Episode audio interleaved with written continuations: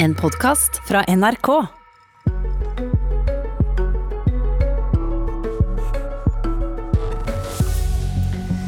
Bråk, bakvaskelser og en evig kamp mot sperregrensa. Hvor gøy er det egentlig å lede Venstre? I sommer var hun oppriktig i tvil. I går ble hun enstemmig innstilt. I dag er Guri Melby gjest i Politisk kvarter. I dag blir trolig Nicolai Tvangen også tvunget til å velge mellom lysverket og drømmejobben. Mer om det senere i sendingen. Først, velkommen Guri Melby. Tusen takk. Hvorfor har du lyst til å bli leder i Venstre? Jeg har tro på Venstres prosjekt. Jeg mener at vi trenger et sterkt liberalt sentrumsparti i norsk politikk. Et uh, parti som tar kampen for at alle skal leve frie liv. Uh, og da er vi nødt til å satse på gode skoler og barnehager. Vi er nødt til å ta kampen for naturen og kutte i klimagassutslipp. Og vi er nødt til å skape grønne arbeidsplasser for framtida for å bygge velferden vår. Ja, og Det vil de andre lederkandidatene også sagt. Men ja, hvorfor er det, det du som skal bli leder i Venstre? Hva er det du har som ikke de andre har? Jeg har en lang erfaring som lokalpolitiker, både i bygd og i by. Jeg har vært med i partiet lenge. Jeg har vært med på å utforme partiets politikk. Eh, og mitt mål er jo å gjøre Venstre til et parti som treffer enda flere velgergrupper enn det vi gjør i dag. Det å gjøre oss relevant for hverdagen til folk. Det å vise hvordan våre visjoner for folks frie liv, med å satse på skoler og barnehager, med å kutte i klimagassutslipp, også kan gjøre hverdagen bedre for den enkelte. Jeg tror jammen de to andre ville sagt det også, men eh, det var du som brukte sommeren på å tenke deg om. Hva, eh, hva talte imot å ta den jobben? Det er jo en krevende jobb. Eh, jeg har eh, to små barn eh, som jeg også ønsker å bruke tid på. Jeg syns jeg har en fantastisk jobb nå med å være kunnskaps- og integreringsminister. Opplever det som veldig meningsfylt. Og så er det også sånn at de to andre som var aktuelle som kandidater, både Sveinung Rotevatn og Abid Raja, ansa jeg også for å være veldig dyktige kandidater, som jeg mener fint kunne ha gjort den jobben her. Grunnen til at jeg etter hvert fant ut at det her var noe jeg både kunne gjøre og hadde lyst til å gjøre, var jo nettopp det jeg sa innledningsvis, at jeg har tro på Venstres prosjekt. Eh, og Åh, jeg... nå glir du ut igjen. Det har de andre også. Det må være eh. noe du har som ikke Abid Raja og Svein Rotevatn har. Eh, ja, eh, jeg tror jo at eh, evnen til å bygge et lag og bygge en organisasjon er veldig viktig nå for en leder i Venstre. Jeg tror jo, som du sier også, at vi egentlig er ganske enige om Venstres prosjekt. Eh, det blir ofte gjort litt narr av at vi i Venstre ikke er så enige. Eh, men hver gang jeg reiser rundt og besøker Venstres lokallag, enten det er en bydelslag i Oslo eller jeg er i Sogndal Venstre, så slår det meg jo egentlig hvor like vi er. Alle brenner for kampen eh, for klimaet og for naturen. Alle er opptatt av at barn skal ha like muligheter. Så det jeg tror vi trenger å fokusere på nå, er jo å bygge et lag, bygge en organisasjon det å samle oss, det å ikke ha for spisse fronter, og finne gode måter å snakke sammen på, sånn at vi står samla. Eh, og der Så håper jeg at jeg har noe å bidra med. Du er best til å bygge lag? Min mening er jo det, og det tror jeg også at valgkomiteen har lagt vekt på. Men hvis det var ett ord eh, valgkomiteen fikk innspill om var kjempeviktig for Venstre nå, så var det ordet fornyelse. Og nå ender de altså med en eh, ny trønder, en ny kvinne, en ny lærer. Enda en som har lang erfaring fra Oslo-politikken. Hvor stor fornyelse blir det når du skal ta over etter Trine Skei Grande? Altså, jeg ser på det som en ære å bli sammenligna med Trine Skei Grande. Hun er jo blant de partilederne i Venstre som har lyktes best med å løfte Venstre, nettopp med å fokusere på organisasjon. Men jeg tror kanskje også at de som kjenner oss, vil se at det er en god del forskjeller mellom meg og Trine. Vi har jo ganske ulike livserfaringer også.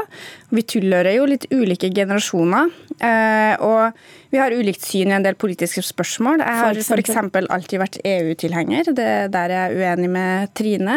Jeg har jo ment at for et parti som setter kampen for klimaet aller øverst, så er det viktig at vi deltar i internasjonalt samarbeid, i forpliktende internasjonalt samarbeid. Der har EU vist seg å gå foran, og jeg mener det er helt naturlig at vi sier ja til å være med i det forpliktende internasjonale samarbeidet. Det er en ganske utslitt klisjé etter hvert at eh, hvis man putter to venstrefolk i et eh, rom, så er det garantert minst tre meninger der inne. Det gjelder også hvis man setter tidligere venstreledere i et rom. La oss høre på Lars Bonheim fra 2009. De skal få lov personlig å komme til meg på, på gården min og banke meg opp hvis ikke jeg holder denne, denne lovnaden. Venstre sitter med denne helt avgjørende nøkkelrollen, garantisten mot at Fremskrittspartiet får regjeringsinnflytelse i norsk politikk.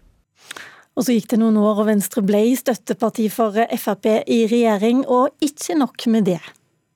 Hjertelig velkommen til landsmøtet i regjeringspartiet Venstre. Hvem av dere hadde egentlig trodd det når vi møttes i Ålesund for et år siden? Ok, da. To. Ja, og hvem hadde trodd at Venstre faktisk skulle sitte sammen med Frp i regjering? Kan det skje igjen med deg som leder, Guri Melby? Jeg mener Det er et ganske hypotetisk spørsmål, all den tid Frp sjøl egentlig har utelukka at de skal inn i regjering. Vi har jo fått, du overlater til dem? Vi har fått den regjeringa vi gikk til valg på. Eh, vi gikk til valg på å få en regjering med Høyre, Venstre, KrF. og Det er den vi sitter i, og det er også den vi skal gå til valg på. Fordi det gir oss best gjennomslag i skolepolitikken, i miljøpolitikken, i kampen for de nye grønne arbeidsplassene.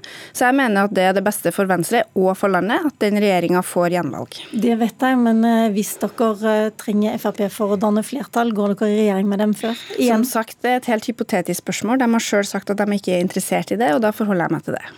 Hva med Arbeiderpartiet, kan dere samarbeide med dem i regjering? Jeg mener det åpenbart beste for Venstre er det samarbeidet som vi sitter i nå. Og så er Venstre et sentrumsparti, og det betyr også at vi kan samarbeide med andre partier. Det har vi gjort før, og det kan vi også gjøre på sikt.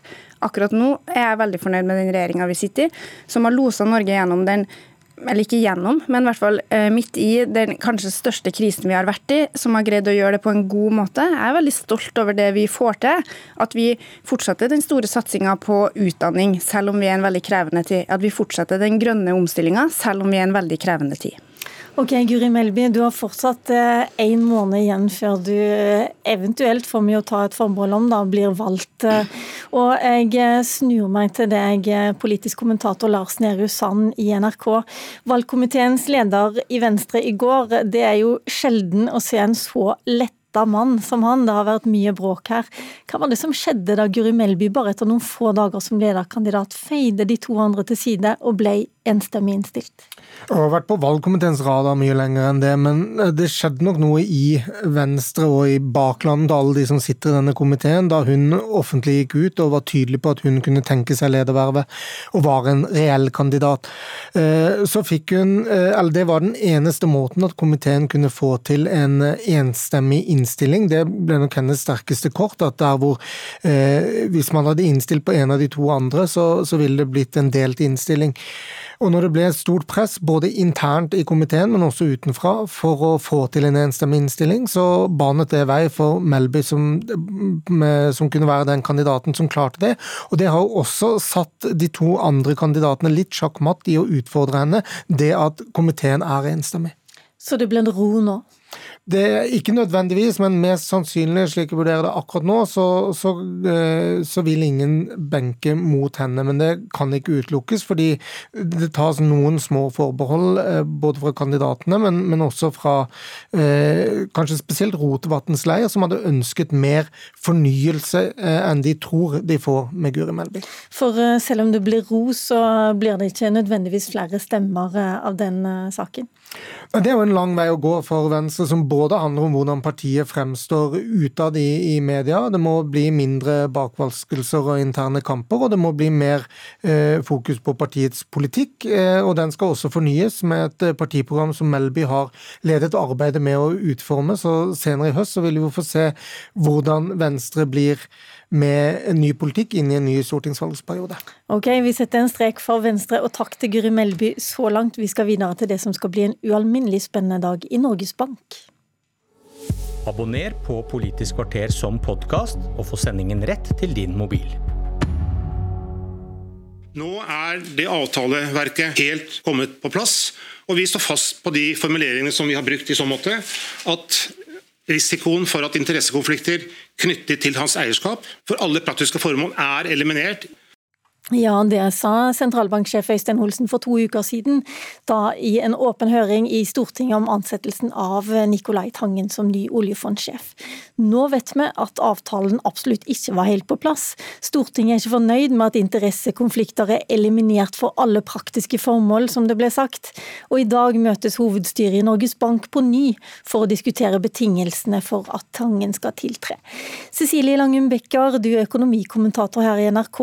Hvor svekka svekka er sentralbanksjefen når han først går til Stortinget og sier at han har gjort så godt han kan, og nå får beskjed om at det ikke er godt nok? Altså, han er svekket, det er det ingen tvil om. Eh, dette er en veldig alvorlig sak for både han og resten av hovedstyret også for så vidt i Norges Bank. Eh, som han har gjentatt mange ganger, eh, sentralbanksjefen er helt avhengig av tillit i samfunnet hos finansministeren, regjering, storting. Og hvor svekket han er, som jo var spørsmålet ditt, og hvor dette ender, avhenger jo helt av hvordan disse neste dagene nå utspiller seg.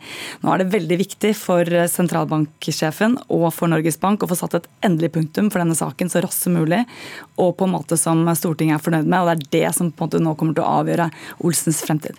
Men blir, kan Stortinget bli fornøyd hvis, eh, hvis, eh, Tangen gjør noe annet enn å selge livsverket sitt eh, for å velge den drømmejobben han har sagt han, han skal få? Det har jo Susanne vært inne på i flere andre ganger her at eh, sannsynligvis ikke. Eh, men det som nå eventuelt blir litt, eh, kanskje litt underlig, er hvis man nå kommer tilbake til en annen type løsning eh, etter hovedstyrets møte i dag. Hvorfor kommer man ikke da opp med den løsningen da? Sånn at det er, det er veldig spennende hva de kommer frem til på sitt møte nå.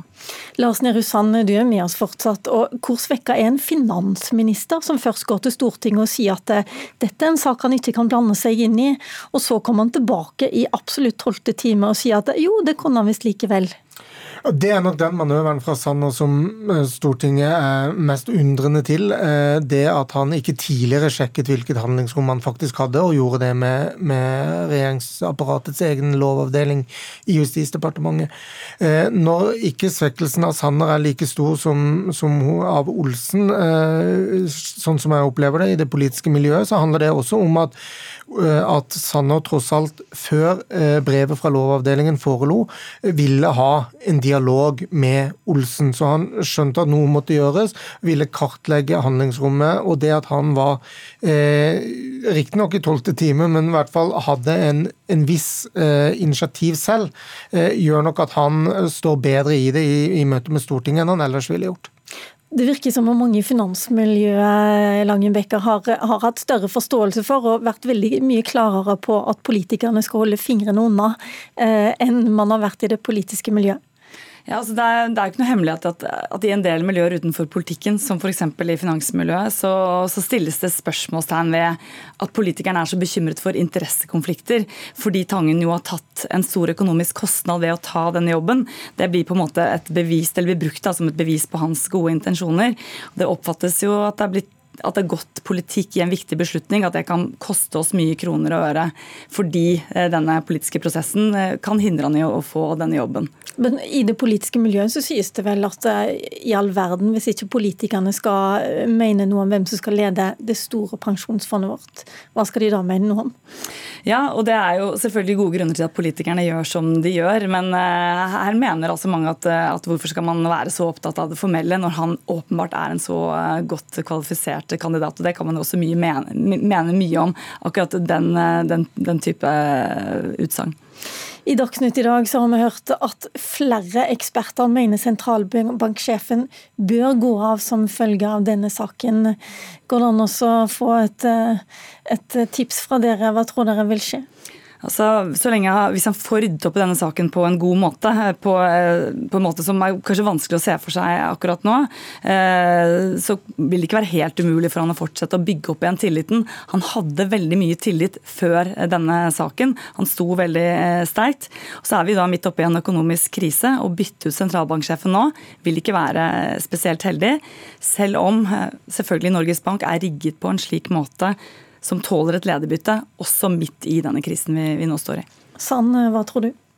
Jeg tror også at eh, man i det aller lengste vil unngå det. og Det handler jo også om hvordan Olsen og hovedstyret nå tar denne bestillingen fra Stortinget, som er ganske eh, krystallklar, eh, om hvilken innramming som må være på plass for at dette kan gå igjennom. og Hvis hovedstyret da endrer sin veldig bastante holdning til at dette er tross alt sikret slik det er og, og kan være, så, så er det mulig for både Olsen og hovedstyret å fortsette. Ok, Hovedstyret møter Nicolai Tangen i ettermiddag, og da får vi forhåpentligvis noen flere svar. Tusen takk til dere. Mitt navn er Lilla Svelhusvik. Politisk kvarter over for i dag.